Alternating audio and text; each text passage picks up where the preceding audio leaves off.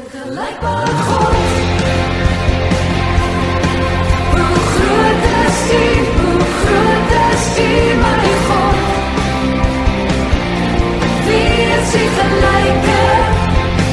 Onvergelykbare God. Kom ons bid saam. Ewige God en Hemelse Vader, wat 'n wonderlike voorreg vanaand om onsself aan U toe te wy. Om vanaand te verklaar dat U God in ons lewe is, dat U die enigste God is, dat daar geen ander God buite U is nie. En U woord verklaar dat voor U sal elke knie buig en elke tong bely dat U God is. Here, en ons kies om dit reeds vanaand al te doen. Ons is hier om te praat oor eindtyd gebeure en dit wat nog moet kom. Ons is opgewonde oor die laaste en ek wil bid Vader dat U vanaand deur die Heilige Gees die woord vir ons sal oopmaak. Stig ons saam kuier vanaand aan U al die lof en al die eer. Is my gebed in Jesus naam en sê ons sê amen en amen. Loof die Here.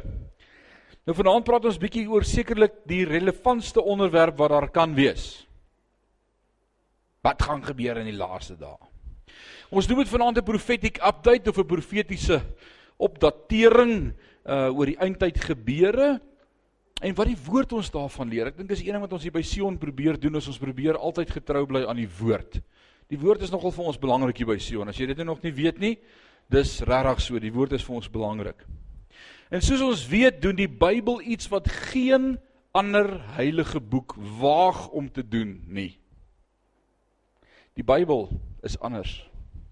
Hy's anders as die Koran en hy's anders as die Kojikie en hy's anders as al die ander heilige geskrifte. Die Bybel is die enigste heilige boek wat waag om te profeteer oor dit wat gaan gebeur. Ons noem dit profesie. 'n Profetiese woord of 'n profesie. So hy praat oor wat gaan gebeur. Inteendeel God self het al hierdie uitdagings van ander sogenaamde gode en godsdienste geplaas. Hy challenge hulle in Jesaja 40 tot 45 is God self van die woord en is daar 'n gedeelte bekend as die verhoor van die valse gode of die valse gode word beproef of op die proef gestel. En hoor wat sê Jesaja 41 41 vers 21 hy sê bring julle regsaak voor sê die Here Bring julle bewysgrond aan sê die koning van Jakob. Laat hulle aanbring en ons te kenne gee wat gaan gebeur. Gee te kenne die vorige dinge, hoe danig hulle was sodat ons daarop kan ag gee en van die afloop daarvan kan kennis neem. Of laat ons die toekomstige dinge hoor. Gee te kenne dinge wat later sal kom sodat ons kan weet dat jy 'n gode is. Ja, doen goed of doen kwaad dat ons verbaas kan staan en dit saam kan sien. Kyk, julle is niks en julle werk is niks. 'n Gruwel is hy wat julle uitkies. God self rig hierdie challenge vir ander gode. Hy sê kom probeer bietjie doen wat ek doen. Ek ken tog die toekoms. Is dit nie wonderlik nie? En ons dien hierdie God wat die toekoms ken en hy hou die toekoms in sy hand vas en hy het reeds vir ons in sy woord daaroor gepraat. Hoor wat sê Jesaja 42 vers 8. Hy sê ek is die Here. Dit is my naam en my eer sal ek aan geen ander gee of ook my lof aan die gesneede beelde nie. Kyk, die vorige dinge het gekom. Die nuwe dinge verkondig ek voordat hulle uitsprei. Laat ek julle dit hoor. Dis wat ons God ons doen. Die Bybel vertel vir ons van dinge voordat dit reeds gebeur. Hoor wat sê Jesaja 44 vers 6. So sê die Here die koning van Israel en die losser, die Here van die leerskare, ek is die eerste en ek is die laaste. En buiten my is daar geen God nie. Vers 7 sê en wie roep soos ek? Laat hom dit dan te kenne gee en aan my voorlê voordat ek die volk van die ou tyd gegrond het en laat hulle die toekomstige dinge en wat sal gebeur te kenne gee. En ons weet, net ons woord en ons God weet wat bring die toekoms. As jy al ooit by 'n fortuinverteller was, en ek hoop nie is sulke ouens nie, maar dalk was jy al in by 'n fortuinverteller gewees. Ouens, hulle lei vir jou aan jou neus. Hulle kyk mooi in jou oë na al jou micro-expressions soos hulle sal sê. En dan sê hulle ek sien 'n man nee vrou. Hulle check alles in jou oë. Hulle weet niks nie. Maar ons God, ons God weet. Alraight. So en so hou dit aan en aan in hierdie gedeelte as julle gode ware is laat om die toekoms voorspel. Wel, in ons lewe, in ons lewe en ons groep wat vanaand hier is, het ons sekerlik al dinge sien gebeur waarvan die Bybel ons vertel het. Uh ek dink vanaand sommer net aan die gedeelte in Matteus 13. Ons gaan sommer daar begin vanaand in die gedeelte in Matteus 13 waar Jesus in vers 16 verklaar en sê: "Maar julle oë is gelukkig omdat julle sien en julle ore omdat hulle hoor. Want voorwaar ek sê vir julle baie profete en regverdiges het begeer om te sien wat julle sien en het dit nie gesien nie. En om te hoor wat julle hoor en het dit nie gehoor nie. Waarvan praat Jesus?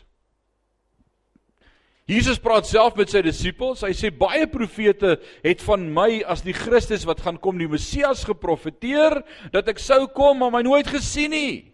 Julle is gelukkig want in julle oë gebeur hierdie wonderwerk en julle hoor wat ek sê en daai ouens kon nooit hoor nie. So ons sien die woord reeds in vervulling kom as ons gaan kyk in die Ou Testament al die profeseë wat te doen gehad het met die geboorte van Christus, die koms van die Messias, dat Jesus sou kom en ons weet vanaand 2000 jaar terug is hy gebore uit 'n maagd Maria. Die res van die wêreld gaan hierdie maand, die 25ste, die hele dag lank jingle bells sing en I wish you a merry Christmas. En hulle gaan mekaar WhatsApp en SMS en jingle allerhande daai ding ding ding ding ding ding. As ek nog 'n WhatsApp oopmaak en dit pop so uit, nê, I wish you a merry Christmas. Weet jy wat? Ons weet, ons Christus het gekom. Dit was beslis nie die 25ste Desember nie. Laat die wêreld maar so dink maar hy het gekom en hy's gebore uit 'n maagd Maria. En hy het onder ons kom woon. Johannes skryf dit so mooi sê in die begin was die woord en die woord was by God en die woord was God. En sê hy in vers 10 11 hy sê en die woord het vlees geword en onder ons kom woon. Daai woordjie woon is die woordjie tabernakel. Hy het kom tent opslaan onder ons. Hy het hier kom bly. Ons koning, ons Messias en ons het hom gekruisig. En ek dank God dat hy gekruisig is. Dit was deel van sy plan sodat ons die ewige lewe mag hê. Al daai profeseë is reeds geprofeteer in die Ou Testament. Die profete wat dit geskryf het, het nie verstaan waaroor hulle profeteer nie. Hulle het nie 'n klou gehad waarvan hulle praat nie. In Matteus 24 word ons geleer van die gelykenis van die vrye boom. Nou as ons praat oor profesie en oor eindtyd gebeure, is dit seker een van die groot goed wat gebeur het, die gelykenis van die vrye bome. Nasie sou terugkeer uit die dode, 'n nasie wat ooglopend uitgewis was, die nasie van Israel. Vir 2000 jaar het Israel nie 'n tuisland gehad nie verstrooid.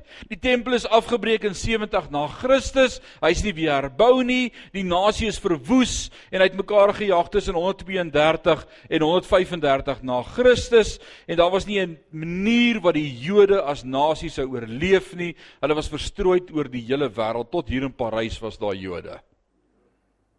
Oralster. Hier in die suidpunt van Afrika. En ons het mekaar gesê, daar's nie 'n manier dat hierdie nasie weer sal verenig nie. Maar God het in sy woord vir ons iets vertel in Matteus 24 oor die gelykenis van die vrye boom.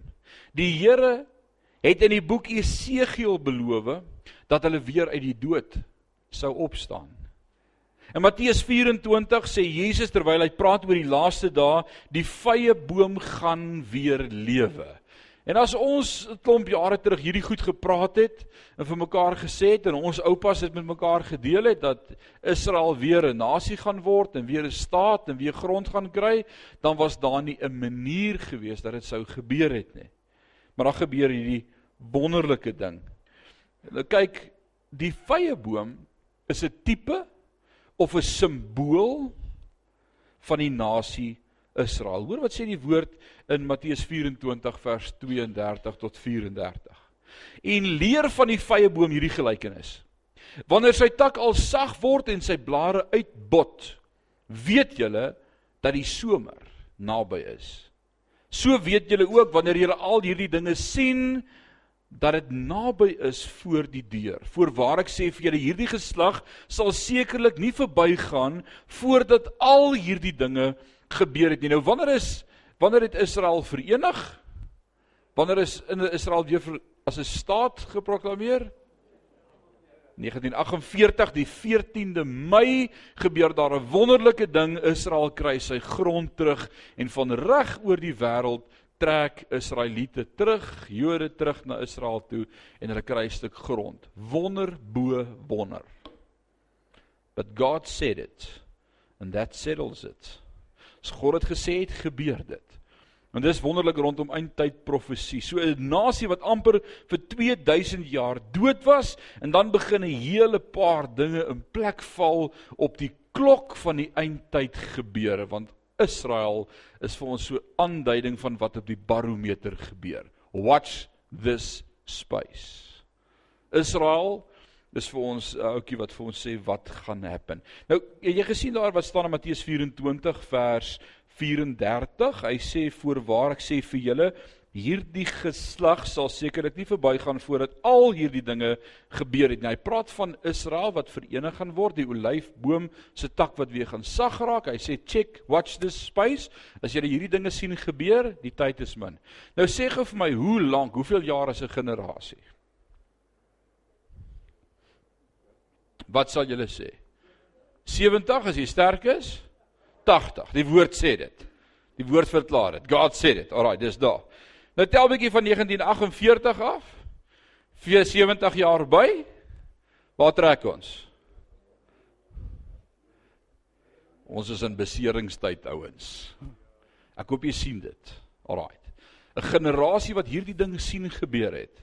Die woord sê, ek sê dit nie die woord sê dit, sal nie uitsterf voordat al hierdie dinge in vervulling gekom het nie moet vir jou so effense aanduiding gee. Ek speel nie God vanaand nie. Ek gee nie datums nie, ek gee nie tye nie.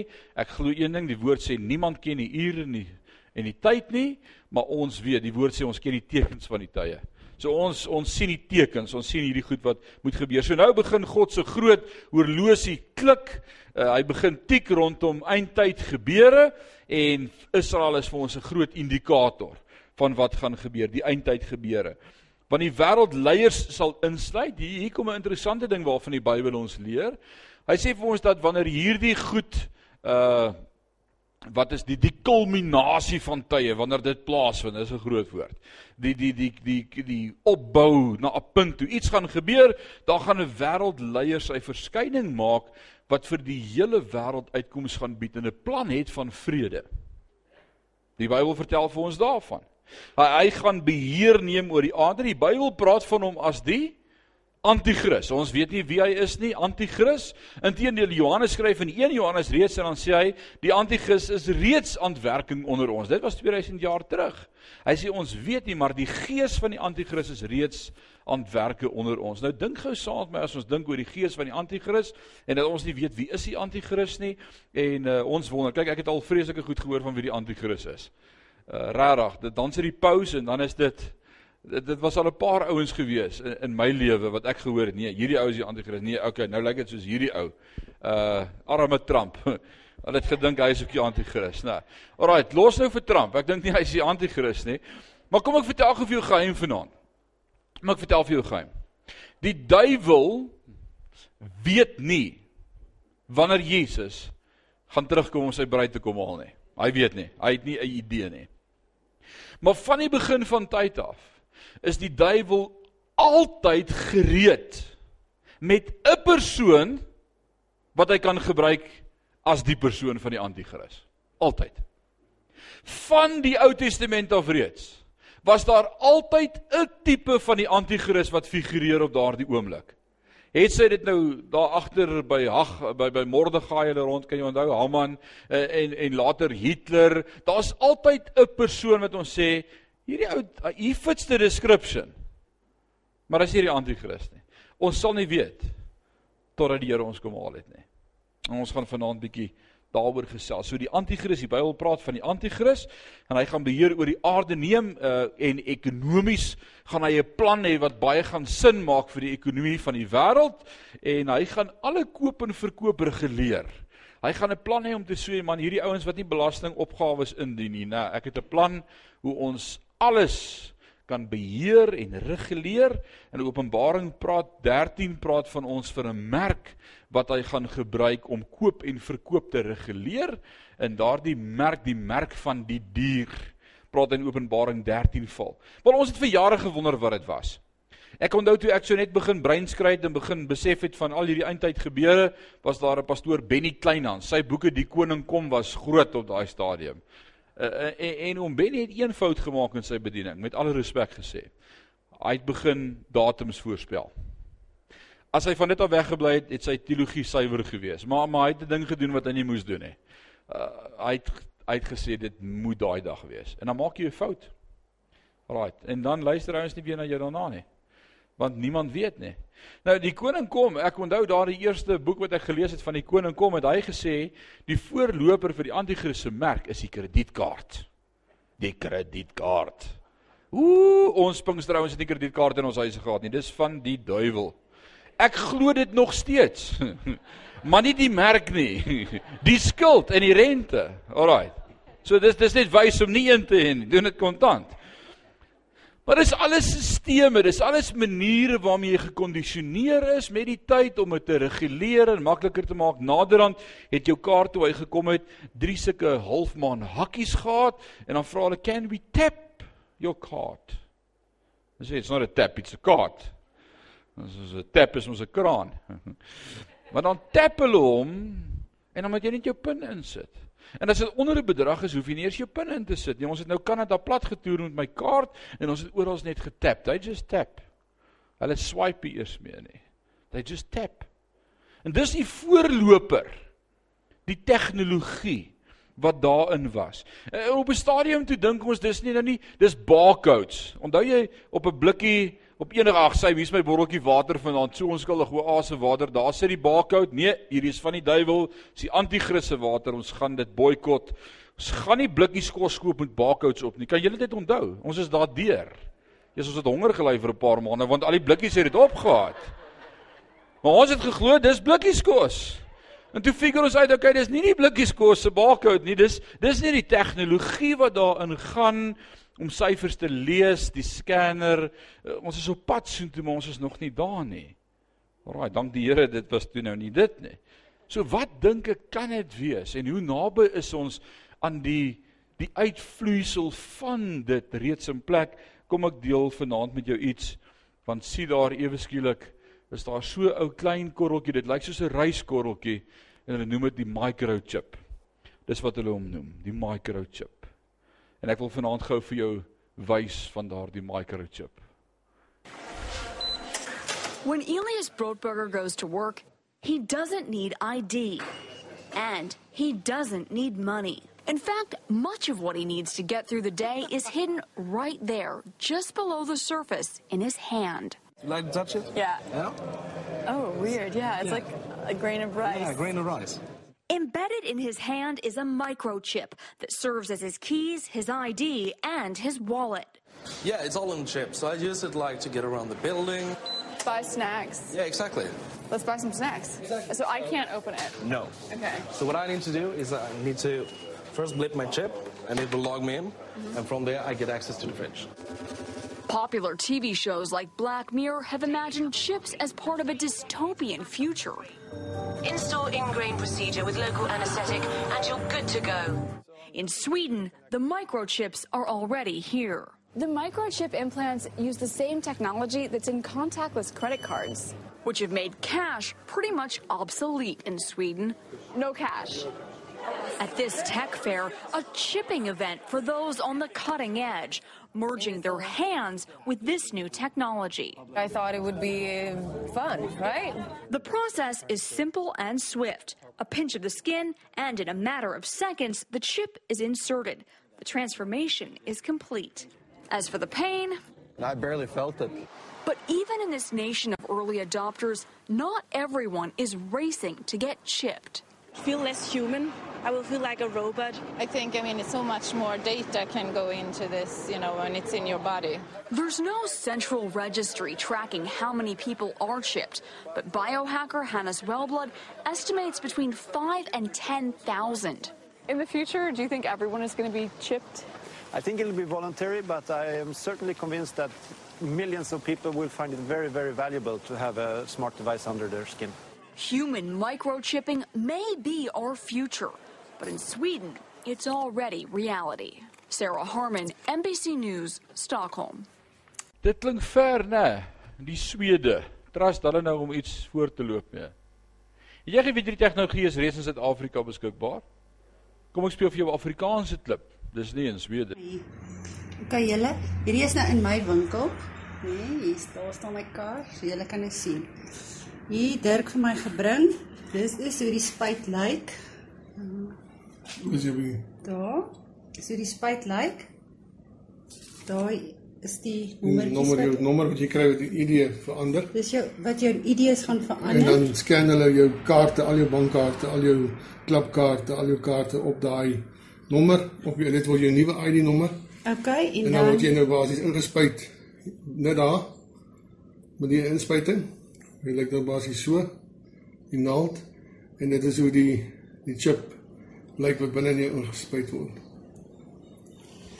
So wat ek vir julle wil sê is, dis nie ver nie, dit is hier by ons, nê? Ehm um, so, ons kan volgende week dit ook bietjie bespreek. Lekker dag vir julle. Dankie Tannie. Of ek is so bang ek hou nie van naalde nie. Ouens, dis naby ons. Dis hier. Dis nie ver nie. So dis net die begin van die einde. Ek sê nie daai ouens in Swede wat klaar gechip is is deur die merk van die dier en hulle gaan hel toe nie. Ek sê net dis die tegnologie wat hy gaan gebruik. En ons het gedink dis ver, ek wil sê dis naby. So op daai oorlosie van tyd moet ek en jy iets besef, al hoe meer goed val reeds in plek.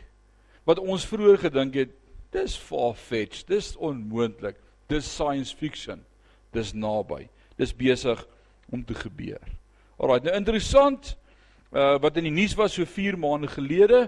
Ek wil gou vir julle hierdie wys en dan gaan ons bietjie rad verander en ons gaan Openbaring toe en praat oor oor wat ek daar sien. Wie van julle weet nie wat is 'n drone nie? Kan ek jou hande sien? Wie wie weet wat is drones? Alraai, dan is daar 'n paar van wie ek sal met vertel wat is drones. Alraai. Kyk gou hierdie klip en dan gaan ek met jou praat uit Openbaring uit. Your kids probably have one of these, right? Not quite. Hell of a pilot? No. That skill is all AI. It's flying itself. Its processor can react a hundred times faster than a human. The stochastic motion is an anti-sniper feature.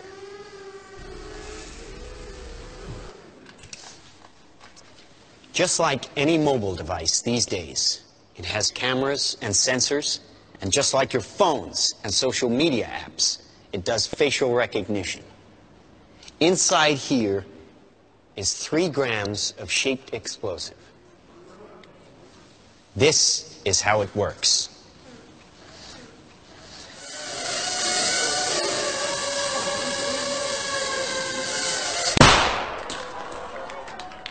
Did you see that?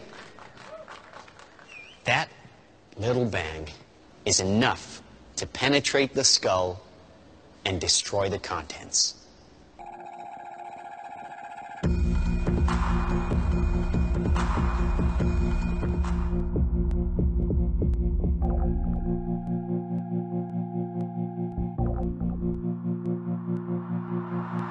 Now, trust me, these were all bad guys.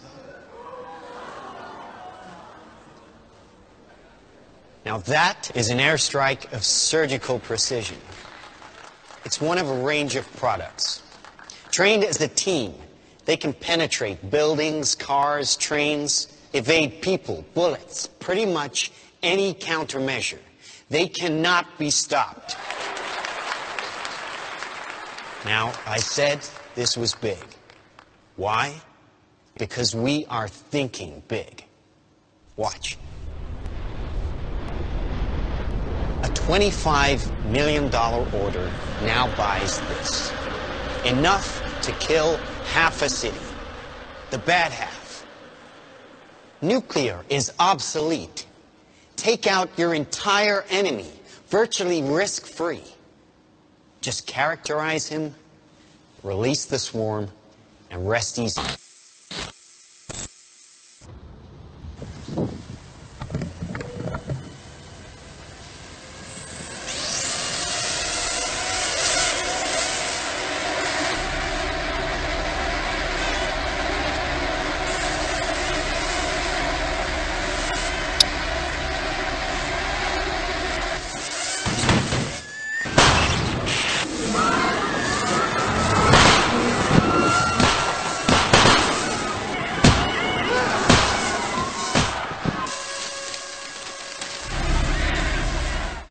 Short film is more than just speculation. It shows the results of integrating and miniaturizing technologies that we already have. I'm Stuart Russell, a professor of computer science at Berkeley. I've worked in AI for more than 35 years. Its potential to benefit humanity is enormous, even in defense. But allowing machines to choose to kill humans will be devastating to our security and freedom. Thousands of my fellow researchers agree. We have an opportunity to prevent the future you just saw, but the window to act is closing fast.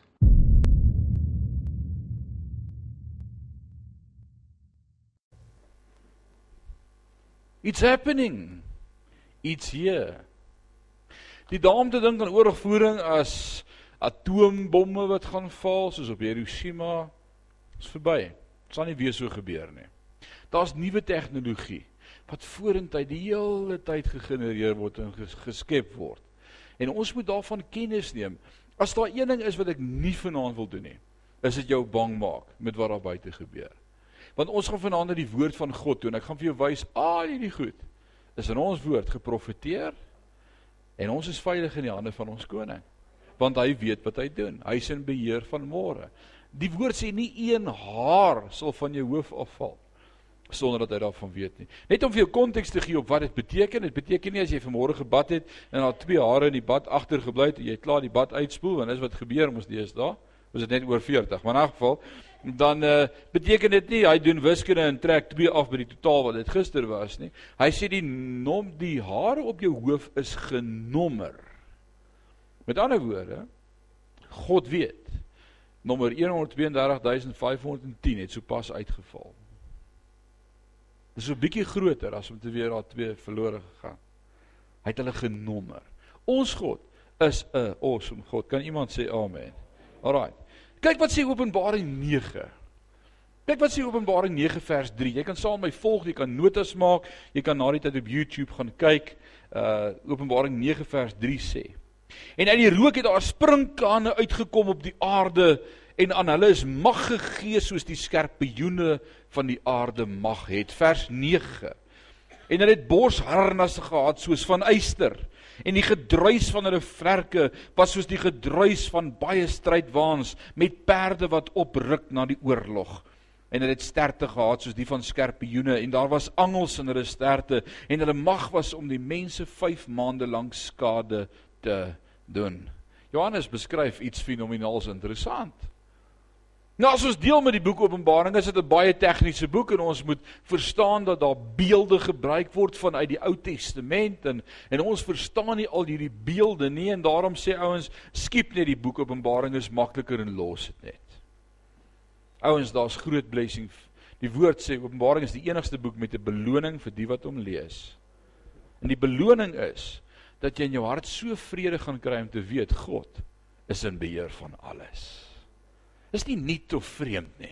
Selfs hierdie tegnologie waarna ons nou net gekyk het, is vir ons alles dalk duidelik verduidelik hier reeds in Openbaring.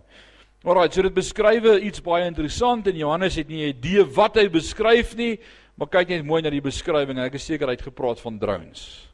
Lyk vir my asof dit kan inpas by dit wat ons beleef. So die ekonomiese stelsel gaan in plek val, die merk van die dier gaan in plek val. Hoor wat sê Openbaring 13 vers 16 Uh Openbaring 13 vers 16 is ek by hom verby.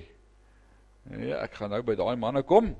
Vers 16 het gesê, "Right, hy het En hy maak dat aan almal klein en groot, en die rykes en die armes en die vrye mense en die slawe 'n merk op hulle regterhand en op hulle voorhoof gegee word, sodat niemand kan koop of verkoop behalwe hy wat die merk of die naam van die dier of die getal van sy naam het nie. Hier kom die wysheid te pas, wie die verstand het, laat hom die getal van die dier bereken, want dit is die getal van 'n mens en sy getal is 666. So as jy gaan agterbly, as jy hier gaan bly terwyl ons weg is met die wegraping, ek gaan net nou daaroor gesels en daar gebeur so 'n ding, gebruik wysheid, bly weg van dit af. Jy gaan betaal met jou lewe, maar hierdie is die merk van die dier en daarvan sal jy nie kan loskom nie. Alraight. Alles is stadig maar seker besig om in plek te val. Kom ons kyk verder na nuus. Net so 1 maand gelede is uh het hierdie berig uh vir ons is hierdie nuus aan ons gebreek dat Amerika besluit het om Sirië te onttrek. Kan julle wie van julle volg nuus, wêreldnuus? Alraait, Amerika het totaal en al onttrek uit Sirië uit. Uh vir een of ander rede is daar net vir hulle gesê dis nou genoeg en uh hulle het begin onttrek. Ek lees gou so 3 uh paragrafies van hierdie berig. Uh, Russian forces sweep into US based abandoned in Sirië. Ewe skielik gebeur hier nou 'n fenominale interessante ding terwyl meneer Trump vir die Amerikaanse soldate terugroep en ons gaan nou praat oor hierdie hoekom is dit so belangrik wat gebeur in die ooste. Hierdie is ongelooflik belangrik. Ek gaan dit vir julle wys vanaand. Maar terwyl Trump sê kom terug, ons onttrek, sê Putin let's occupy. Let's move down. Let's move south. Beweeg. Russiese troepe het Dinsdag begin toetree om 'n leemte te vul wat deur die Amerikaanse troepe in die noorde van Sirië ontstaan het met huursoldate wat van wat met Moskou gesteun is wat beheer oorneem oor 'n strategiese voormalige Amerikaanse buitepos vir spesiale operasies in Russiese troepe wat gepantserde patrollies betree het as die nuwe buffer tussen Turkse en Siriëse leers. Video wat deur Russiese joernaliste op sosiale media geplaas is nadat hulle met die huursoldate en die Siriëse uh, regeringsmagte gereis het, het Amerikaanse militêre tente onder camouflage netting laat sien as ook onder uh, ander oorblyfsels wat die afgelope dae vinnig agtergelaat is deur die Amerikaanse troepe nadat die strategiese uh, Siriëse stad Manbij, dit het nou daar gebeur. Nou daar sien ons hulle is besig om af te beweeg. Nou hoekom is dit so interessant? Dat Putin besluit het om af te trek. Recep Tayyip Erdogan en daar sien julle hom, wil net daar so is hy op die regterkant, hy's die Turkse president, vorm nou 'n alliansie met Vladimir Putin, die Russiese president en hierdie twee manne het nou 'n alliance met mekaar. Daar's nou vrede tussen hierdie twee om saam te deel met die Kurds of die Koerde. Wie van julle het al gehoor van die Koerde of die Kurds? Daar's hande wat opgaan as jy die media die nuus volg. Nou kom ek vertel vir jou vanaand wie is die Kurds? Ek gaan nou vir jou presies sê dis nie Arabiere nie. Dis nie Perse nie. Dis 'n eie entiteit. Hulle het hulle eie taal. Hulle is omtrent 30 miljoen in getal, 'n groot groep. Hulle woon in Sirië en in Turkye en in Iran. Hulle is Sunni moslems of Sunni Islam. Uh dis die tradisionele tak van Islam. Hulle is nie westers in hulle redenering nie. Hulle is moslems, maar soek naarstiglik na hulle eie staat om hulle eie nasie tot stand te bring. Hulle dwaal. Hulle dwaal. Hulle is hierdie groep wat dwaal. Hulle het nie hulle eie gebied nie. En ons het reeds van die Eerste Wêreldoorlog al gesien dat daar met hierdie groep genegotiate is om namens ons westerse wêreld die oorlog te voer teen wie? Teen wie voer hulle oorlog vir ons? Wie's die ekstremiste van Islam? ISIS. En die westerse wêreld, Engeland en Amerika het vir hierdie Koerde, die Kurds, grond beloof iewers as hulle Islam van die aardbol af sou vernietig, ISIS. En nou Trump moeilikheid. Want soos op Maart maand hierdie jaar het statistiek gewys dat ISIS met rasseskrede gekrimp het in die in die Midde-Ooste. En die Koerde is op die punt wat hulle vir Trump wil sê nou waar's ons grond en hy weet nie hoe hierdie ding te handle nie, so hy onttrek. En die oomblik toe hy onttrek, toe sê Putin, maar hier's 'n geleentheid. So Putin het nou afgetrek en hy het nou 'n alliansie gevorm daarso met die manne van Turkye wat baie interessant is. So hierdie beloftes na omtrent 20 jaar wat Amerika betrokke was in Sirië onttrek hulle nou en nou begin Rusland in om 'n rol in te neem nadat hulle uitgetrek het. Want hy weet nie hoe om dit te handle nie. Alraai, so daai man moet julle dop hou. Putin. Putin. Kyk julle daai smile op sy gesig. Man, he arrived. He's the king of the Middle East. Watch this space. President Trump kon nog skielik aan dat daar 'n skietstilstand gaan kom tussen die Turke en die Koerde. Hy roep vrede uit. Vrede, vrede, vrede. Maar ons weet die die, die Bybel ondersteun nie hierdie vrede nie want hy sê hierdie vrede gaan vir 'n kort tydjie wees. Daar's nie 'n ding soos vrede in die ooste nie. Die Bybel steun nie meneer Trump in hierdie nie. Maar vertel vir ons wel van 'n tyd dat Rusland gaan afbeweeg van Moskou om na die Midde-Ooste saam met die Turke te veg. En ek gaan dit vanaand vir jou uit die uit die woord uitwys. Ek wil dit net eers vir jou uit die nuus uitwys. Hulle gaan beheer neem oor die omgewing. Hulle gaan beheer neem oor die olie Watch the space. Olie, Israel het olie ouens, ryk olievelde. OK, dit was onbekend gewees. En dan gaan hulle Israel binneval en ons sien reeds dis die vooraand van hierdie goed wat gaan gebeur. Nou Putin wat nou die koning van die ooste gaan word. Uh en nou alles terwyl Amerika onttrek ewe skielik sien Putin sy geleentheid. Kom ons kyk net wat is die volgende klip. Daar's Amerika besig om te groet en terwyl hulle groet is die Russiese army besig om in te ry agter hulle aan. Hier is 'n 'n omswaai. Hier's iets besig om op die wêreldoorlosie te gebeur. Alraai, neem kennis daarvan. Een groot kookpot is aan die gang daarbo. Alraai. Ek gaan nou by hom kom. Kom ons gaan net eers terug. Daar's hy. Alraai. Nou Amir Sarfati. Sarfati. Hoor wat sê hy vir ons? Dis 'n Jood. Hy sit in Israel. Hy gee vir ons verslag van wat daar gebeur. Hy's 'n wedergebore kind van die Here. En hy praat met ons oor sy belewenis in Israel op hierdie oomblik. Want te midde van hierdie impeachment wat nou in Amerika aan die gang is met Trump of hulle probeer dit altans is dit niks anders as 'n smeerkampanje. Wat is die mooi Afrikaanse woord vir dit? Hulle gooi nou net modder. Omdat hulle nie wil hê Trump moet weer verkies word vir 'n volgende termyn nie. So nou probeer hulle hom impeach, but there's nothing to impeach him on. Daar's allerlei gerugte en dinge wat hulle gooi. Presies dieselfde gebeur nou in Israel. Terwyl ons nou met Nathanael, né, die die Dis presies wat nou gebeur in Israel en nou gaan hy gou vir ons 'n paar goed vertel van wat hy daar beleef en dan gaan ons kyk na wat sê Esegiel van wat moet gebeur in die wêreld. Luister gou-gou wat sê hy. Let me tell you that Hamas just released a statement where they're saying that they're very encouraged with the indictment against Netanyahu. So are the Iranians. I'm thinking to myself, if Hamas is encouraged And if the Iranians are happy, shouldn't we be concerned that we're doing something wrong?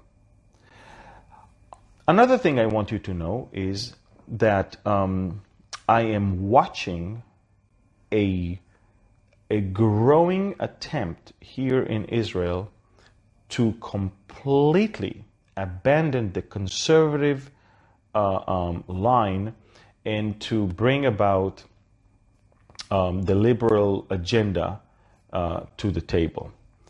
Now, I want you to understand that uh, the tactic is very similar to what is going on with President Trump right now.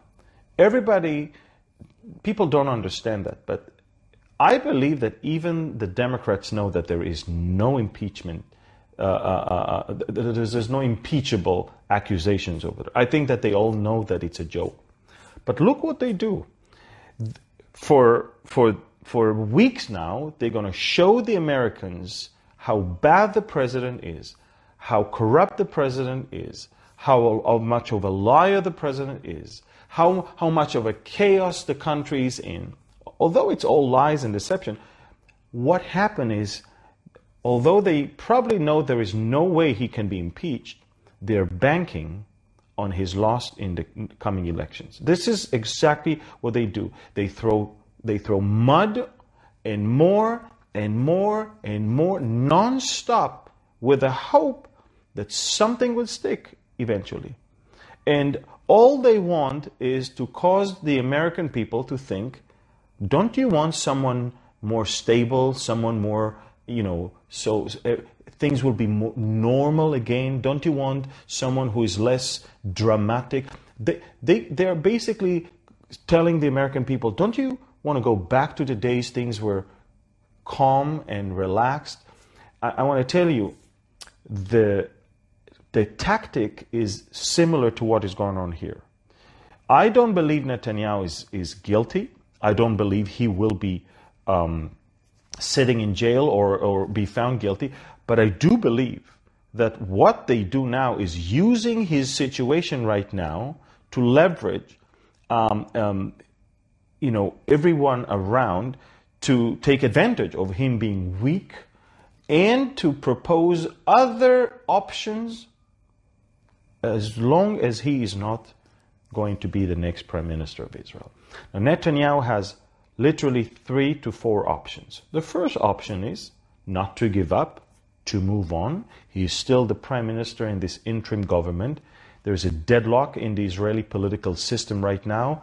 After two elections, the people of Israel still are undecided. There is almost it's almost even, um, and um, the undecided voted votes right now are are definitely going to be affected by these allegations and the indictment. Um, but uh, what from what we see, there is a good chance that we're going to go for a third round of election. And Netanyahu says, "Look, guys, I'm not going anywhere. Only the court can find me guilty, not." Anyone else. And I will accept anything that the court says. But until then, I'm innocent. But that's what he says. But what we see already happening is within his own party, people are calling for new primaries. Now, they just had primaries a few months ago for the second round of elections.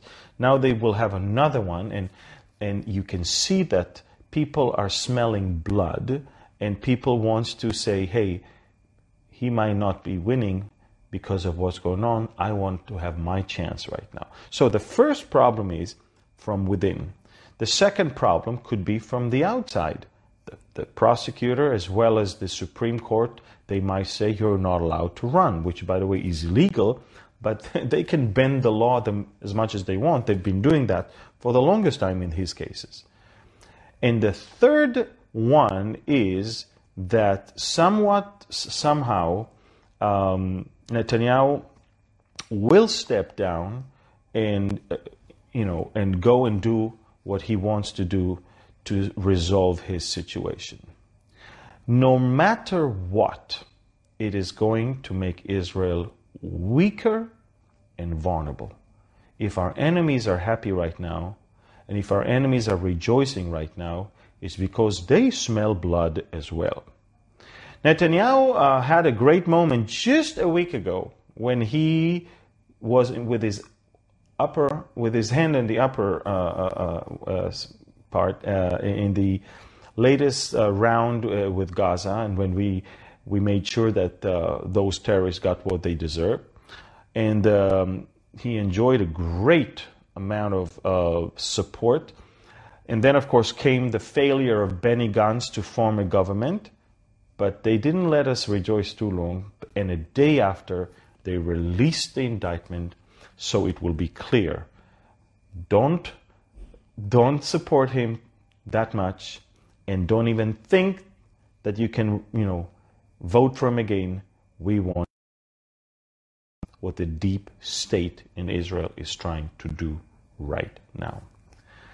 And I want you to know that um, for all of us, the believers, whether you're in the United States, in Europe, whether you're in Australia and New Zealand, uh, whether you're in Canada or other places, look, I know the Canadians are going through the same thing when they see their terrible prime minister, but at least there, he won the elections. Now, you can like him, you can hate him, but the people spoke. You know, in Israel, my problem is that there, there's a coup here uh, done by lawyers and, and, and, and, and prosecutors, and it has, is not even through uh, the ballots here. I'm saying let's go to elections. If he's losing, and by the way, he might lose now because of all you did to him, uh, but if he's losing and you're winning, okay, that's fine. But don't dare think that you can take the, even the race from him before even the people um, speak. Now, I can tell you one thing. Um, my biggest mistake, and I and, and I'm, I must admit I'm guilty in that one. I really, really forgot that this is not where I belong. I really forgot that this is not my home. I really forgot that this is not where my citizenship is. I really forgot that I have a better place, a better residence. I forgot that I need to uh, seek those things which are above, where Christ is seated at the right hand of the Father, as Colossians 3 says. But I forgot to, to remind myself that the scriptures are telling me that this is going to characterize the end times. Israel as a nation is basically opening itself to accepting anyone as long as it's not going to be Netanyahu.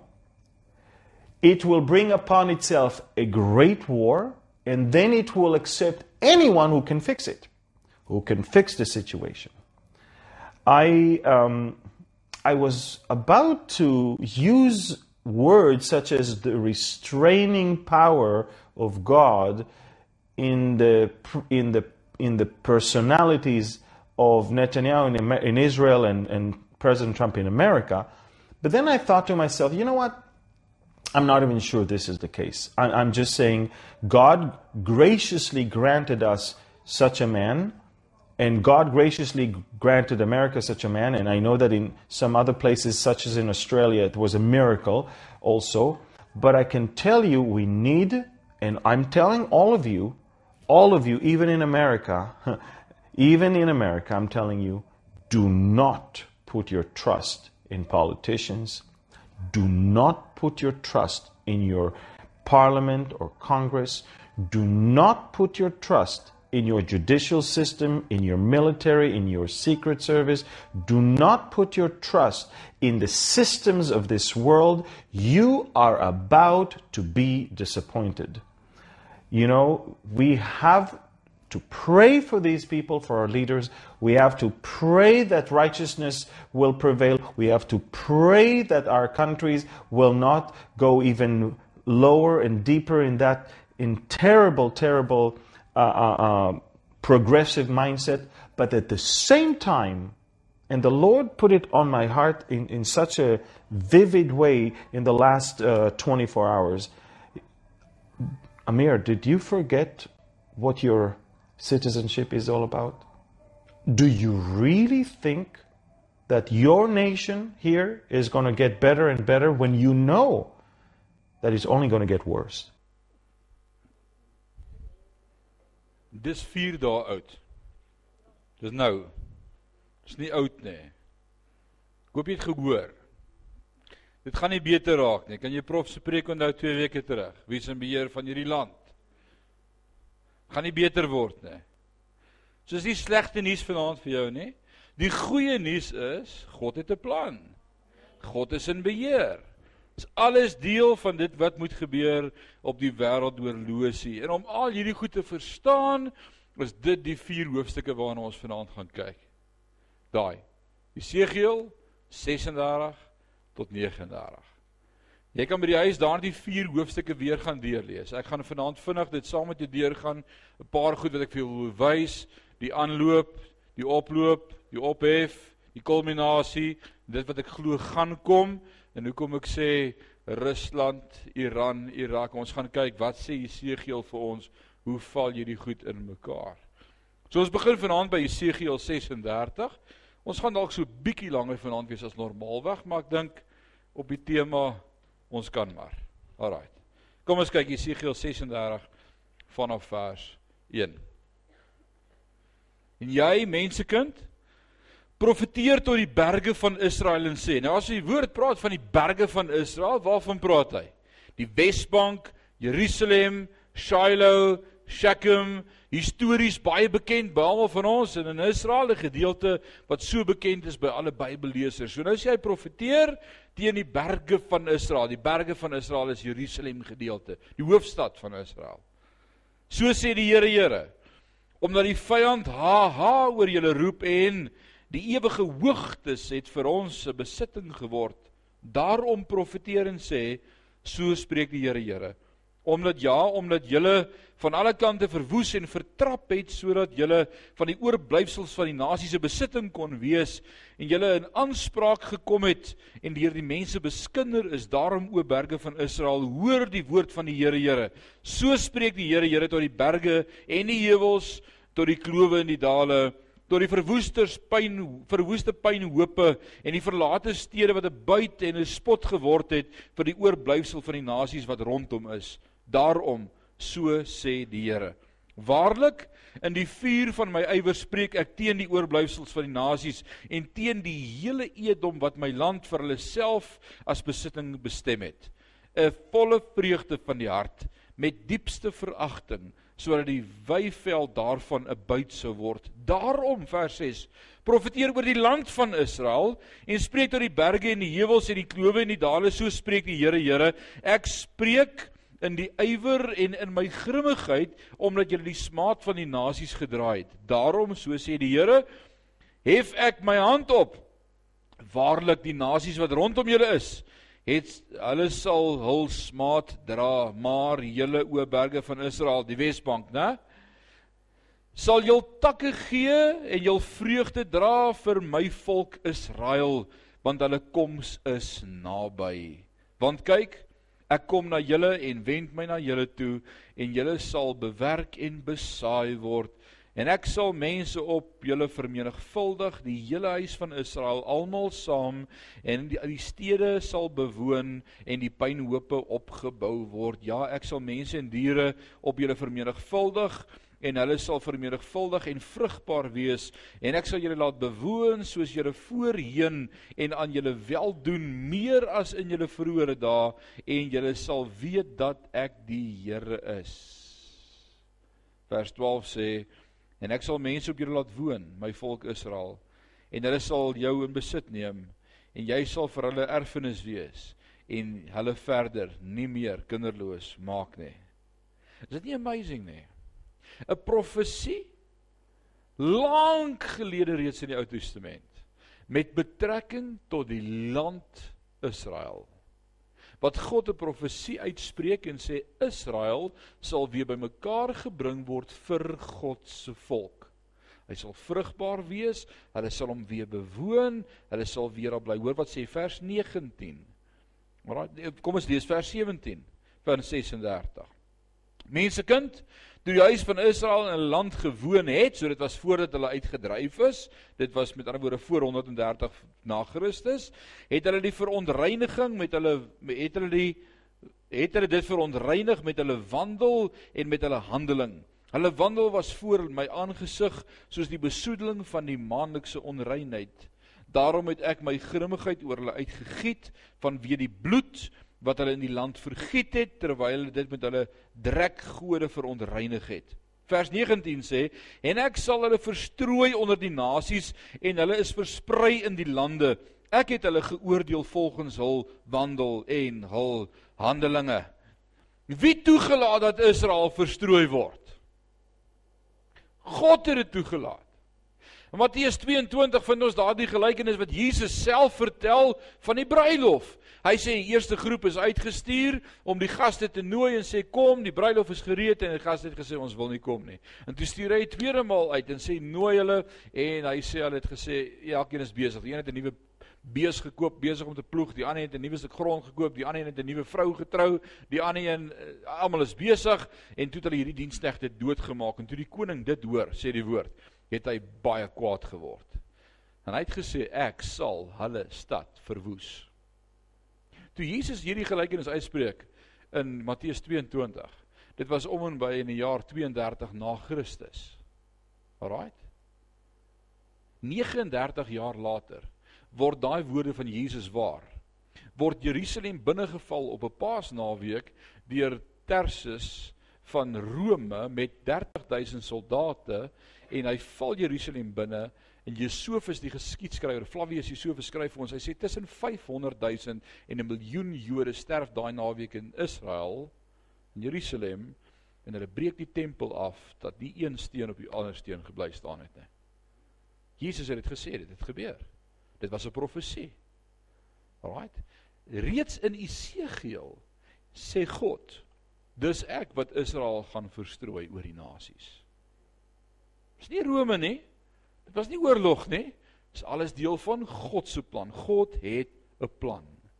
Wow, vers 22. En ek sal my groote naam heilig en onder die nasies ontheilig wat onder die nasies onheilig is, wat julle onder hulle ontheilig het en die nasies sal weet dat ek die Here is, spreek die Here Here, as ek my in julle voor hul oë as die heilige laat ken. Vers 32.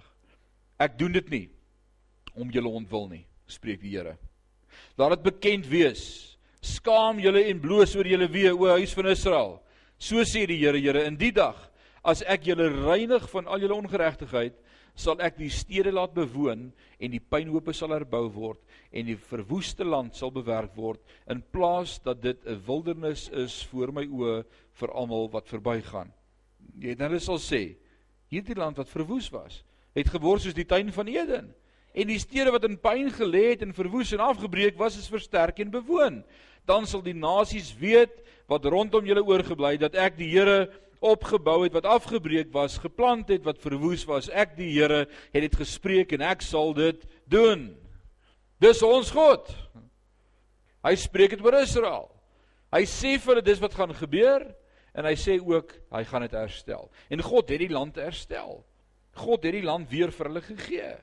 Hy sê julle was verstrooi oor die wêreld, maar ek het julle geroep. Ek het julle geroep gehoor ter wille van my naam sodat ek julle herstel, omdat ek julle liefhet en ek sal julle laat teruggaan na julle ou stede. Nou Jesegiel 37 praat oor die vallei van droë of dooie beendere. Julle ken daardie gedeelte. Nee, daar's mos daai Christelike liedjie wat sê julle die een bone is connected on the knee bone and the knee bones connected to the Ken julle daai? Ken julle julle? OK, wat sou vir Walter vra om wat vir ons te sing? Alraai. Maar dit is actually waar dit vandaan kom.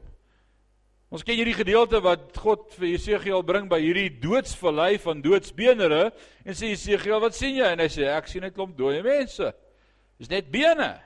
En God sê vir hom, "Profeteer." Hy sê, "Wat moet ek profeteer?" Hy sê, "Profeteer." En wat profeteer Jesegiel? Hy profeteer lewe oor dooie bene. En wat doen God met daai dooie bene?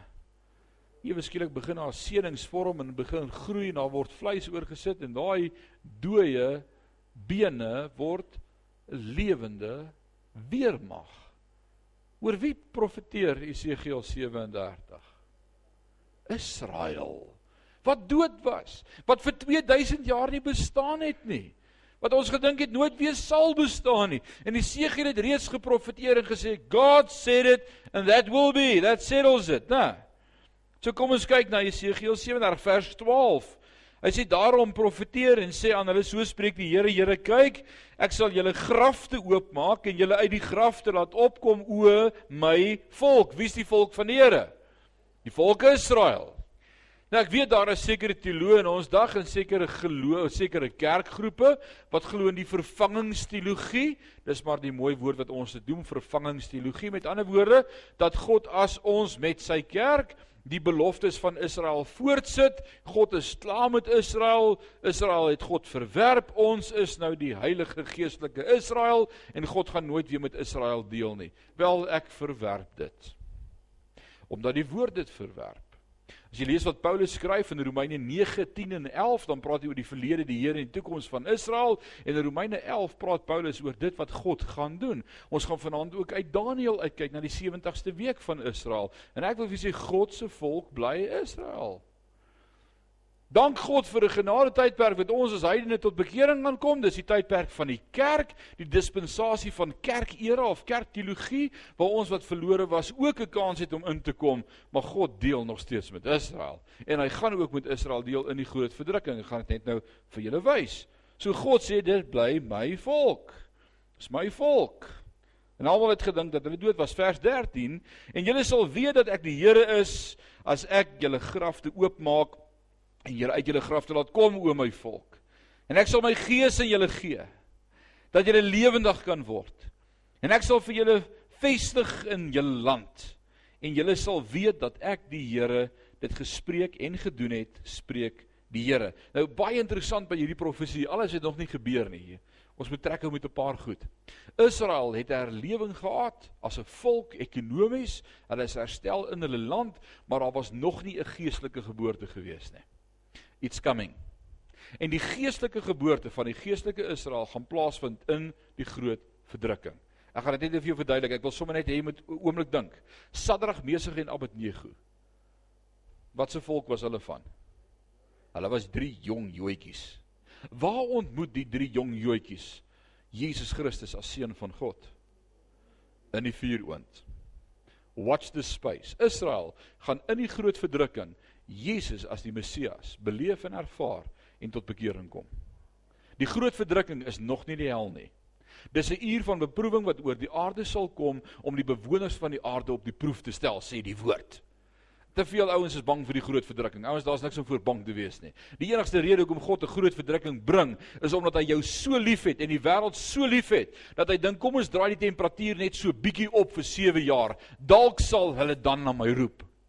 As jy Openbaring gelees, Openbaring 6 tot 19 en dis die amazingste gedeelte, niks om voor bang te wees nie, dan sien ons allerhande ongelooflike wonderwerke wat gebeur. 144000 Joodse evangeliste wat oor die wêreld Christus verkondig en nog steeds gaan mense nie wil glo nie. Engele wat in die lug op en af vlieg met 'n boodskap van God. Het jy al ooit 'n engel gesien vlieg, broer? Jy gaan engele sien vlieg in die groot verdrukking sodat die wêreld sal glo dat God God is. En die wêreld gaan nog steeds sê berge val op ons, heuwels bedek ons. Ons wil nie glo nie. Twee getuies wat in Jerusalem se straat sal preek en die hele wêreld sal hulle sien. En die wêreld gaan sê ons wil nog steeds nie glo nie. Die groot verdrukking is nie 'n tyd van hel op aarde nie. Nee, daarvoor is die hel in die ewigheid.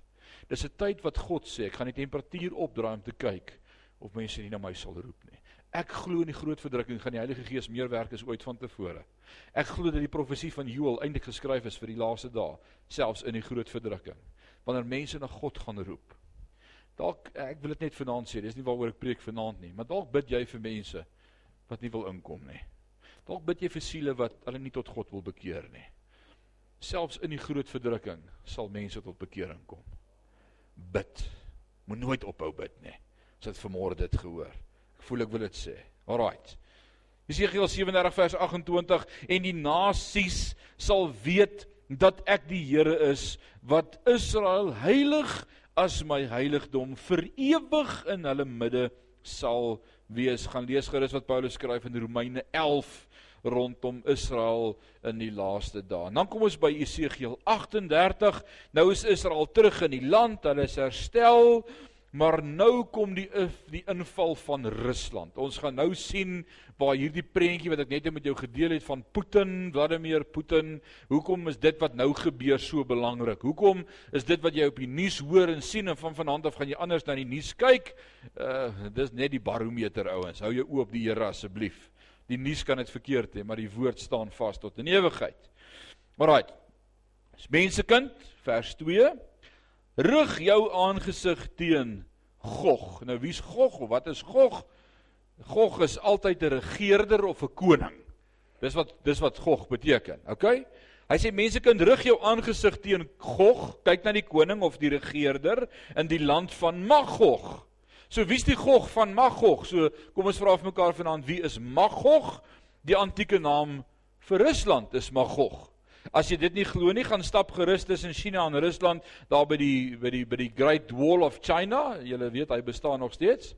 Gaan Google Maps hom, daai Chinese muur wat gebou is en kyk wat staan daar op hom, the Wall of Magog. Magog. Dis die antieke naam vir Rusland. So nou praat hy hier oor die Gog van Magog, die koning of die heerser van Rusland en wie weet ons wie's dit? Putin, een van die uh verslae die afgelope week in die nuus het van koning van koning Putin gepraat as die koning van die ooste. Alraai. Koning Putin. Die vors van Ros, hier gaan hy aan. Hy verduidelik dit. Dalk verstaan jy verkeerd van wie ek praat. Ek wil nie hê daar moet onsekerheid wees nie. Ouens, Esegiel is 'n bietjie lank terug geskryf reeds. Dis 'n profesie. En hy sê ek wil nie daar moet onduidelikheid wees as jy dit lees van wie ek praat nie. Ek praat van die Gog van Magog, die vors Ros man, kom nou. Nou Ros, Rusland, uh Moskou, uh Mesech en Tubal die prof, en profeteer teen hom en sê so spreek die Here Here kyk ek het dit teen jou o Gog o Putin vors van Ros Rusland Mesech en Tubal en ek sal jou weglok en hakke in jou kakebene sit en jou laat uittrek en jou hele leerperde en ruiters almal volkome terug toegerus 'n groot menigte met die groot en die klein skild wat almal die swaard hanteer. God sê ek is besig om my skaakstukke reg te skuif vir die laaste tyd. En ek wil hê jy Putin moet suid trek. Ek gaan dit nou vir jou wys. Van Moskou af, suid. Ek wil jou daar hê. Jy gaan deel wees van hierdie gebeure in die laaste dae. Kyk wat gaan gebeur. Vers 5. Perse, wie's Perse? Dis Iran, as jy gewonder het. Dis Iran. Kussite. Nou die Kussite is die Noord-Afrika, dis Ethiopië en Puteers, dis Libië. Saam met hulle almal met die skild en helm Gomer, nou Gomer is die westerse Europese lande en al sy leers die huis van Togarma. Nou wie's dit? Die huis van Togarma. Ons praat van Turkye, is daardie gedeelte in die uithoeke van die noorde en al sy leers baie volke saam met jou. sien jy hierdie unieke ding wat Esegiel reeds vir ons profeteer het van hierdie kulminasie van hierdie groepe wat met mekaar 'n alliansie gaan vorm. Just like. Wie het vir God gesê, wie wie het vir Trump gesê Trump dis tyd om te onttrek? Wie het vir Putin gesê Putin vat Trump se plek? gaan maak 'n alliansie, raak betrokke. Kyk hierdie groot ding wat daar besig is om te Ouens, God is besig om die stel raak te skuif. Ons het niks daarmee te doen nie. Dis alles God se eer. Alraight. So waar's ons? En hier kom ons by al die lande wat saamtrek en dan met betrekking tot die Midde-Ooste vers 7. Hou jou reg en maak jou klaar. Jy en al jou menigtes wat by jou vergader het en wees vir hulle 'n leidsman. Wat moet Putin doen? 'n Leidsman wees vir hulle. Na baie dae sal jy bevel ontvang. Aan die einde van die jare sal jy 'n land in trek wat van die swaard weer reggekom het. Wie dink julle is dit? wat versamel is uit baie volke op die berge van Israel wat gedurig deur as pynhoop daar gelê het. Ja, dit is uit die volke uitgebring en hulle woon almal in veiligheid. Dan sal jy optrek soos 'n onweer wat aankom. Jy sal weer wees soos 'n volk, 'n wolk om die land te oordek jy en al jou leers en baie volke saam met jou so sê die Here Here in die dag sal daar gedagtes in jou hart opkom en jy sal 'n listige plan beraam. Wie gaan die gedagtes in sy hart laat opkom? God. Ek wil vanaand vra wie is in beheer? God is in beheer. Ons moet dit weet as kinders van die Here. En sê, hm, wat gaan hy vir homself sê? Hy gaan nou dink, daar gaan 'n gedagte in sy hart kom en dan gaan hy sê, hm, ek sal optrek teen die land wat oop lê. Ek sal kom by rustige mense wat in veiligheid woon, wat almal woon sonder mure en geen grendel of poorte het nie. Nou gaan Rusland by homself dink, dis oop. Amerika is weg. Ons kan hulle plek inneem. Kyk met dit wat nou besig is uh in Israel, hulle sit sonder 'n prime minister hulle kort lyding. Dalk moet ek selfs by Israel gaan aanklop en sê hier is ek die magtige Putin. Ek kan vir julle 'n plan bewerk want ek wil vrede hê. Vrede, vrede gaan hy roep. Ek sê nie hy is die anti-kris nie. Ek sê net hy's 'n instrument in die hand van die Here. Vers 12: Om buit te maak en roof te rowe om jou hand uit te steek teen die pynhope wat weer bewoon is en teen 'n volk wat uit die nasies versamel is wat vee en goed verwerf het wat op die middelpunt van die aarde woon. Nou wat dink julle is die buit wat Putin sy hand aan gaan wil slaan? The English Bible talks about the spoil, is that right? Take away the S and the P and you sit with oil. En dis wat ons het daar in die Midde-Ooste. Ons het olie. In in in in Israel is daar olie. Nou praat hy in vers 13 verder. Hy sê Skeba en Dedan. Nou wie's dit? Dis Saudi-Arabië. So hier gaan ons sien Saudi-Arabië is daarbey betrokke en die koopmans van Tarsus. Wie's die koopmans van Tarsus? Weet julle? Engeland. Engeland. Bybelskouers is dit eens dis Engeland. Nou hoor wat sê hy van hierdie twee ouens. Hy sê Saudi-Arabië en die koopmans van Tarsus is Engeland en al sy jong leeu's. Nou wie's die jong leeu's van Engeland? al die ou Britse kolonies wat deel was van Engeland. Amerika, Suid-Afrika, Zimbabwe, reg oor die wêreld. Right, almal wat Kanada. Right, julle jong leeu's, almal deel is van van van Tarsus. Hy sê sal vir jou sê, vir Putin sê, kom jy om buite te maak Het jy jou menigte bymekaar laat kom om te roof en te rowe, om silwer en goud weg te dra, om vee en goed weg te neem, om 'n groot byt te maak? So al wat hierdie ouens gaan doen is hulle gaan praat. They're not going to take up the sword. Hulle gaan nie beklei nie, hulle gaan nie oorlog maak nie. Hulle gaan net njep njep njep. En wat doen Amerika? En wat doen Suid-Afrika? En wat doen Kanada en al hierdie ouens? Hulle praat net. Trump het hierdie week gesê, that's not right. Syria is not supposed to do that. Rarig en dan wat gaan jy doen as hulle dit doen? Sien, dis net die praat, Jesegiel profeteer dit. Hy sê dan sal jy kom uit jou woonplek uit die agterhoeke van die noorde.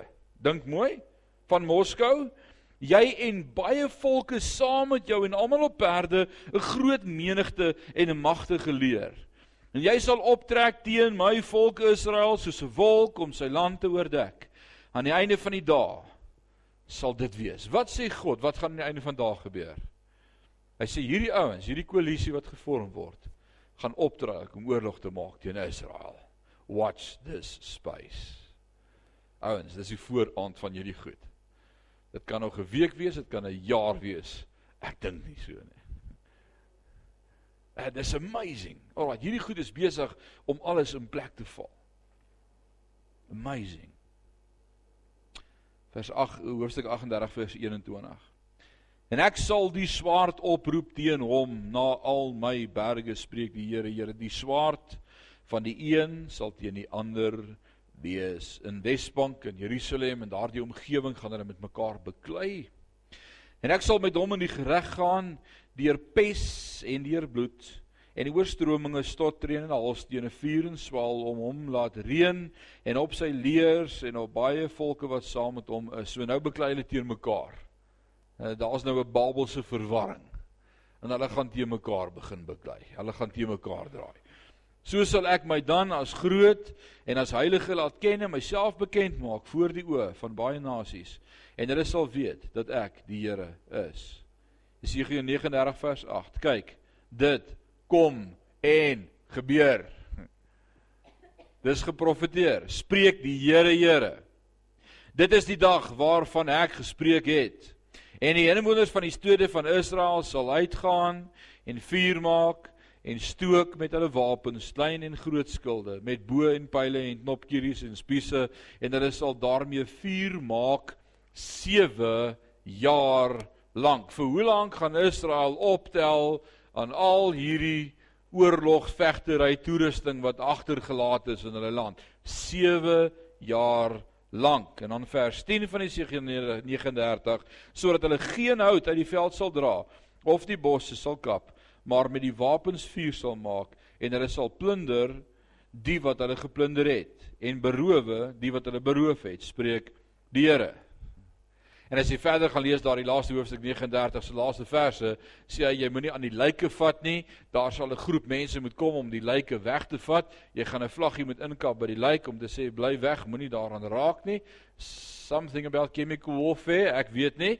Dit kan science fiction wees, maar Esegiel het daarvan gepraat. Hy het gesê dis hoe dit gaan wees. Daar gaan 'n groep mense kom om daardie lyke te verwyder. Jy kan nie daaraan vat nie. Nou, ons God se woord is fenomenaal. God se woord is fenomenaal akkuraat. En al wat ek vanaand wil doen en ek wil vanaand net in jou hart daardie sekerheid laat opborrel. God het 'n plan en God is in beheer. En as jy in sy hand is, en jou naam gegraveer is in sy handpalm, het ek en jy niks om te vrees oor die dag van môre nie. Jesus sê wees nie bekommerd oor die dag van môre wat julle sal eet, drink of aantrek nie. Na hierdie dinge soek die heidene. Maar jy jy kan vrede in jou hart hê om te weet God sorg vir jou. God sorg vir jou. Tante.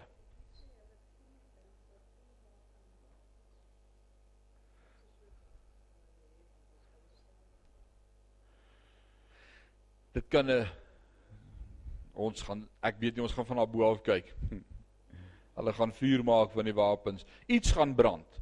Of die olievelde gaan aan die brand raak of, of da, iets gaan brand. Something's going to burn vir 7 jaar lank. Alraait. Baie interessant. Hoekom vir 7 jaar?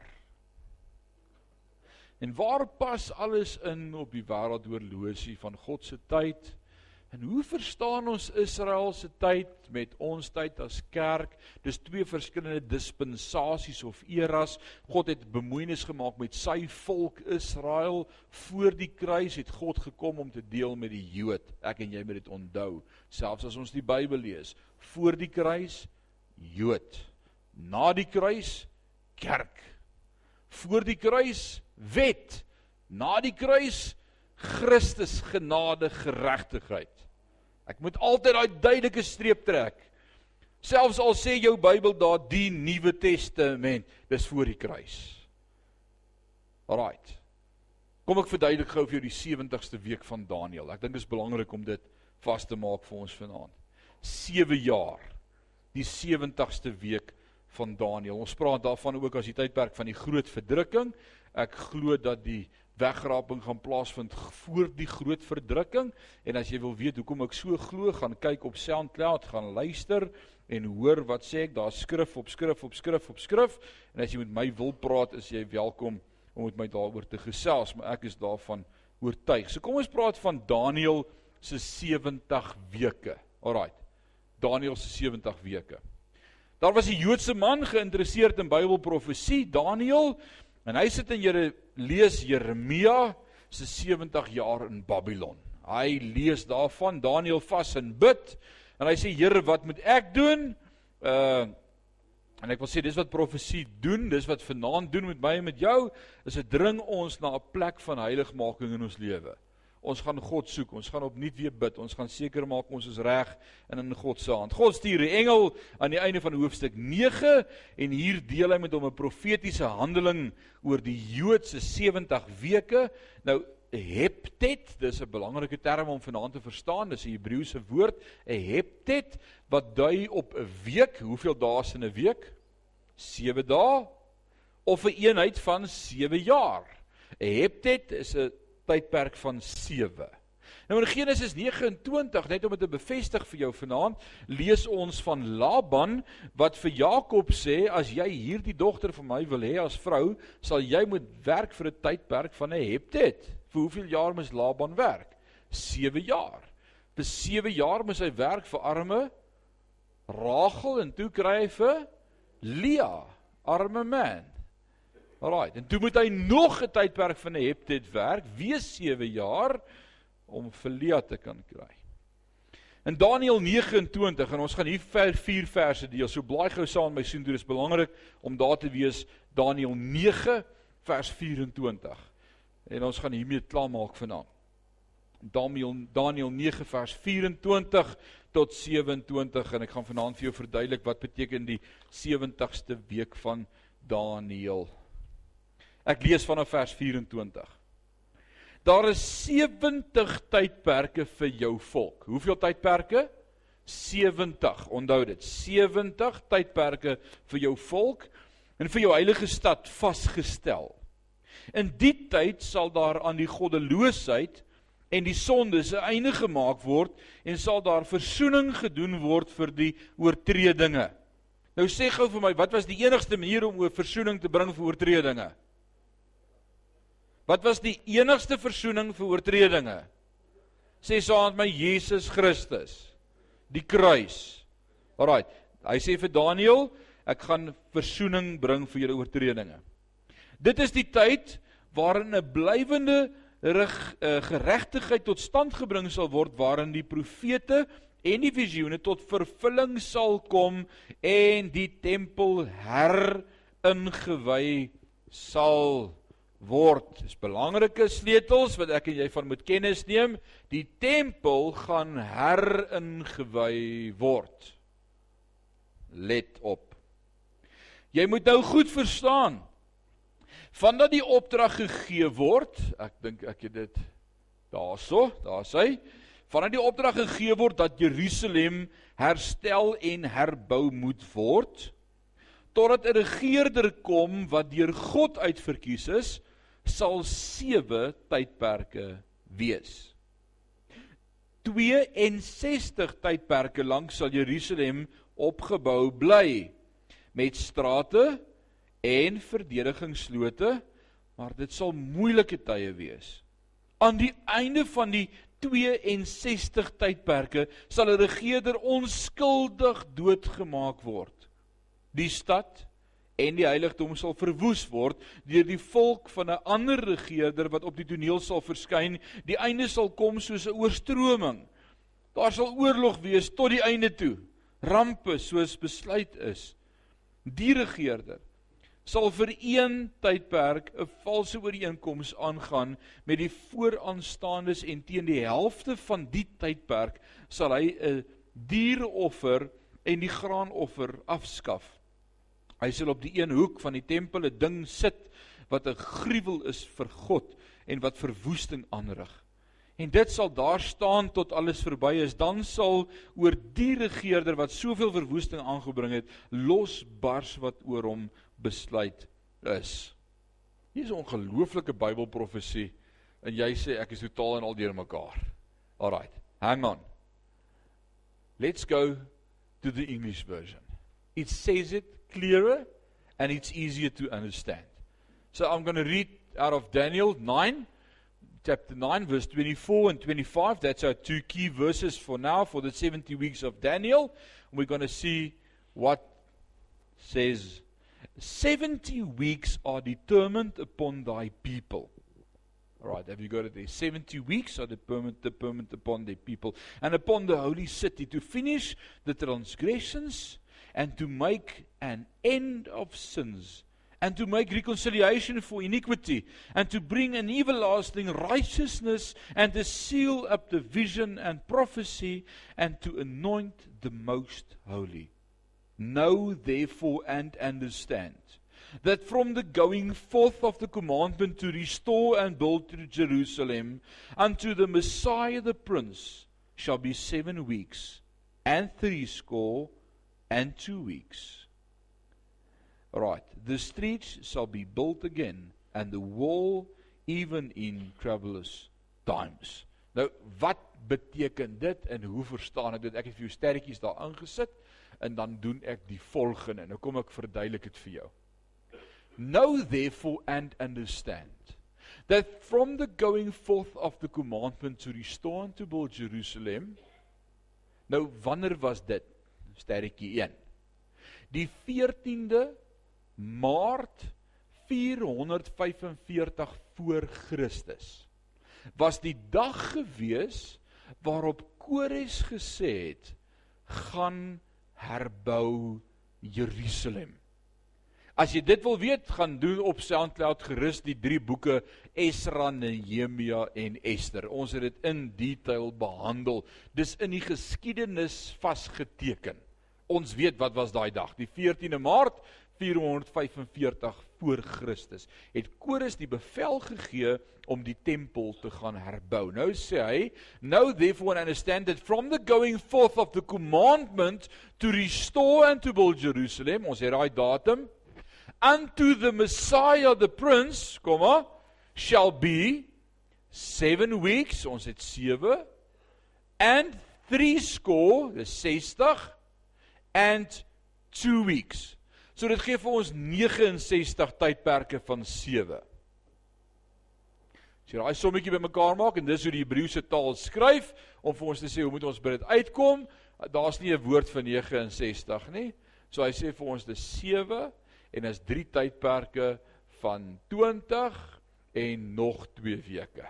So ons kom dan by 483 jaar uit tussen the going forth of the commandment to restore and to rebuild Jerusalem tot by unto the Messiah the prince.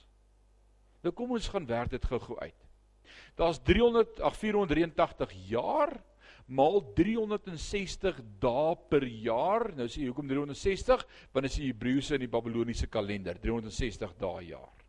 So vanaf 14 Maart 445 tel ons 173880 dae by en dit bring ons by die 9de April 32 na Christus. Die 9de April 32 na Christus was Goeie Vrydag van Paasfees van die kruisiging van Jesus Christus in Israel op die kruis. Dit staan vas, dis geskiedenis. Ons wonder nie daaroor nie. Dis daar. Wat sê jy daarvan? Dis daar. Dis nie 'n wonder nie. Ons maak nie so nie. Dis daar.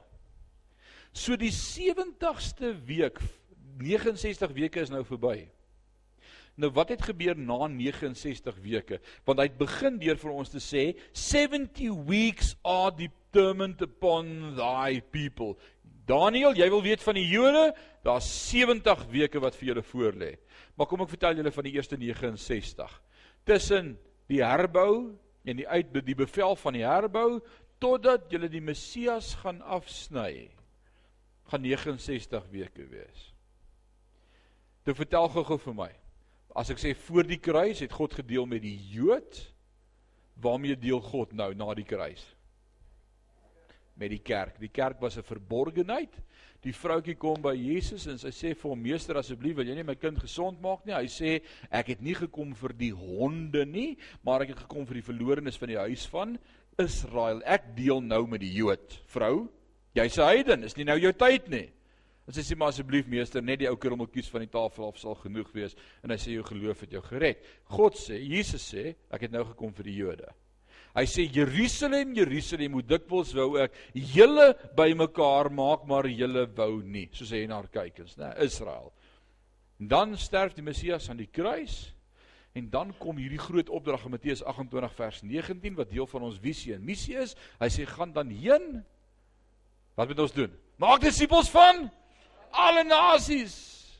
En Doop in die naam van die Vader, Seun en Heilige Gees en leer om alles te onderhou wat ek julle geleer het. Nou deel ek met almal. Nie meer net met die Jood nie. En nou is dit die dispensasie van die kerk wat gebore word. Nou wat gebeur met Israel in hierdie dispensasie? God pos so oomblik en hy sê dis nie nou julle tyd nie, ek gaan nog 1 week met julle kans gee, nog 1 7 jaar bly oor Israel, maar dis nog nie. Romeine 12 praat daarvan is Israel se laaste jaar.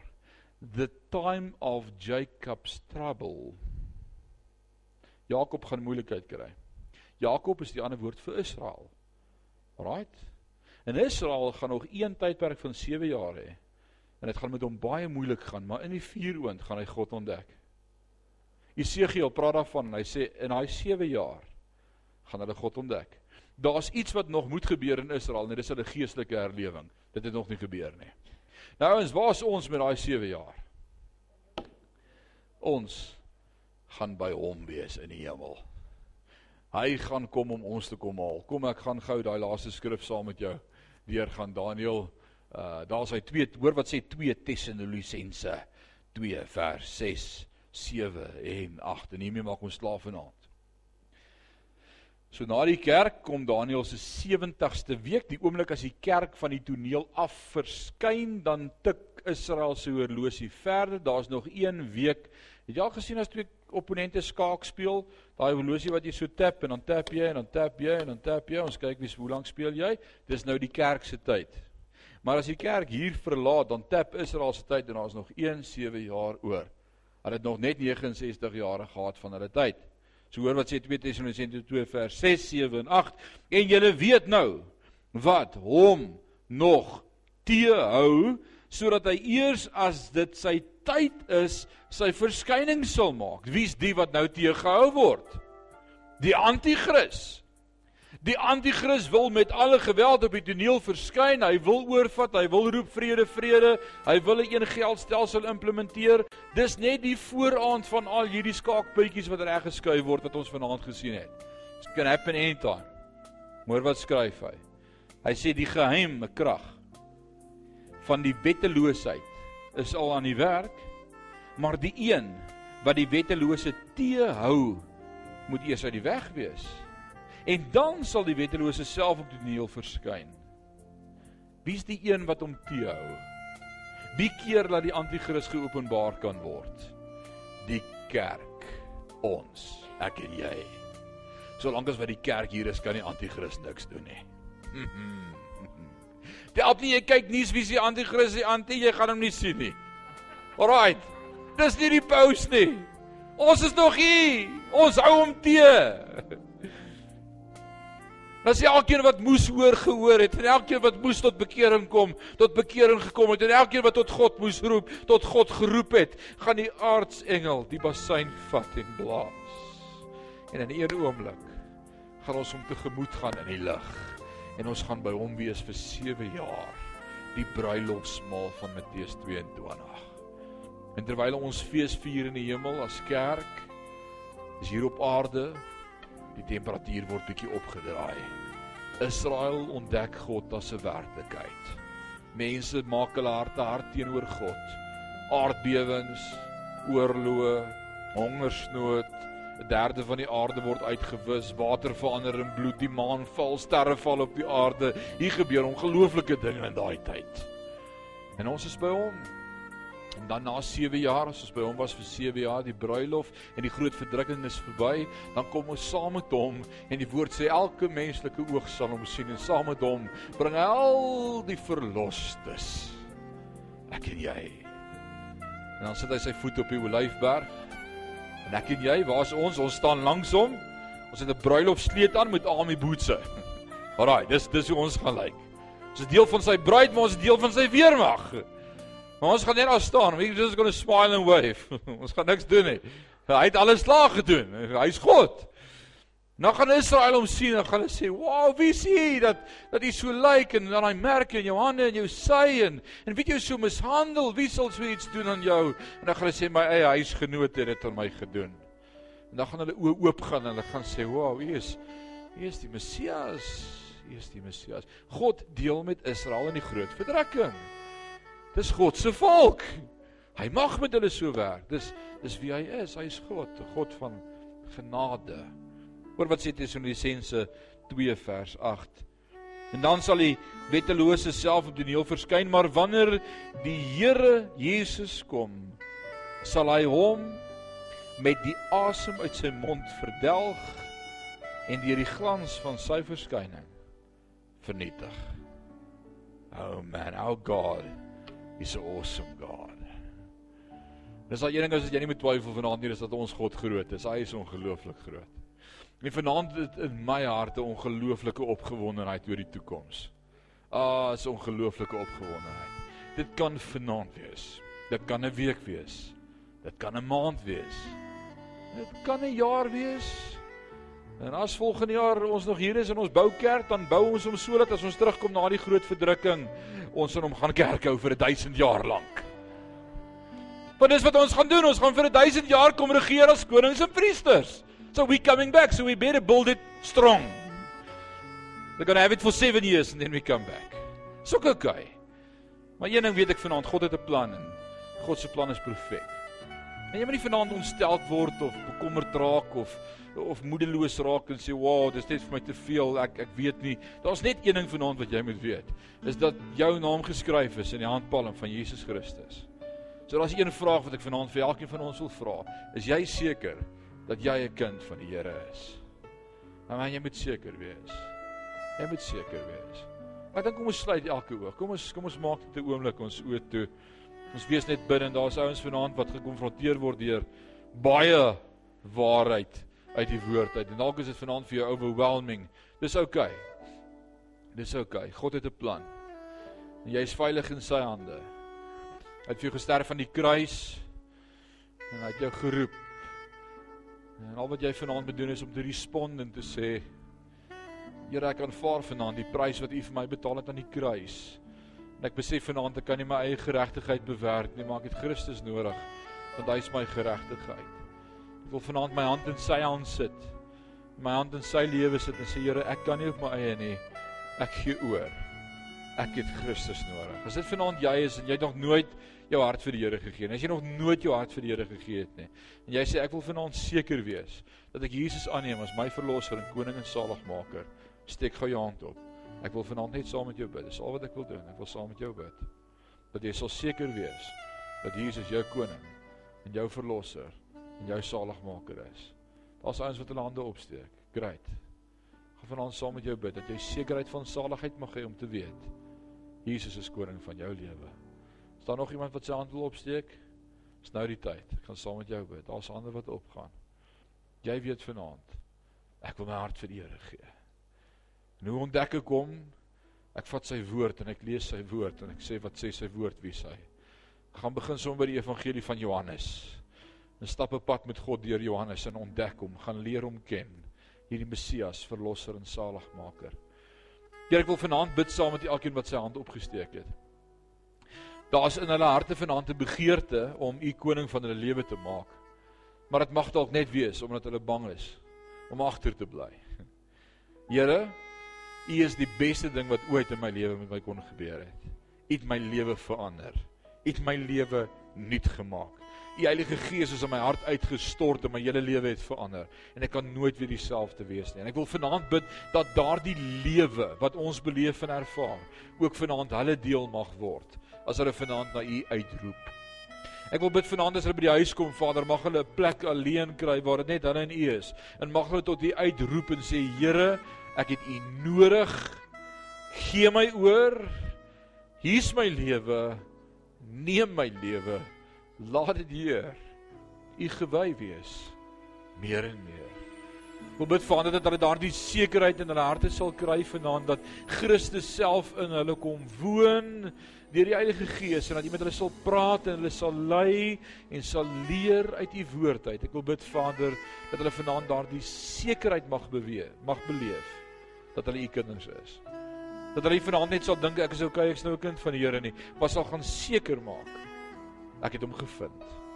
Ek wil bid Vader dat U hulle sondes sal vergewe dat jy sal reinig deur die bloed van die lam, dat U hulle name sal skryf in die boek van die lewe en dat die Heilige Gees oor hulle sal uitstort in Jesus naam. En ons loof U daarvoor. Amen. Jy vanaand vir my sê ek is 'n kind van die Here en ek weet ek is 'n kind van die Here, maar ek wil vanaand net weer my hand opnuut so bietjie stywer in sy hand druk en sê Here, hou my net vas. Hou my net vas. Ek wil sê jy kan dit nie maak sonder die Here nie, hoor. Daar's nie 'n manier nie. Jy kan nie. En vanaand is jy van ons wat wat dalk sê ja, ek is 'n kind van die Here, ek sal lank 'n kind van die Here, maar sjoe, vanaand het met my gepraat en ek besef net een ding. God is in beheer, God het 'n plan, maar ek moet terugkom op die plek. Ek is nie op die plek waar ek moet wees nie. Alraai. Ek is op die plek waar ek moet wees nie. Dan wil ek vanaand saam met jou bid. Is dit reg? En ek gaan 'n paar oomblikke hier agter in die bidkamer wees om saam met ouens te bid wat vanaand vir my sê ek is 'n kind van die Here. Maar ek is nie waar ek moet wees nie. Ek jaag nie heiligmaking na nie. Ek groei nie in my verhouding met Christus nie. Ek is ek is koud en voel ver van die Here af. Wil vanaand saam met jou bid dat jy sal weet die Here trek jou nader. En ek is opgewonde. Ek is so opgewonde. Ek is opgewonde omdat ek weet my koning hou dag van môre in sy hand. Hy is in beheer. Hy sê al val daar 'n 1000 aan my linker en 10000 aan my regterhand. Hy is koning, hy is verlosser. Hy is in beheer.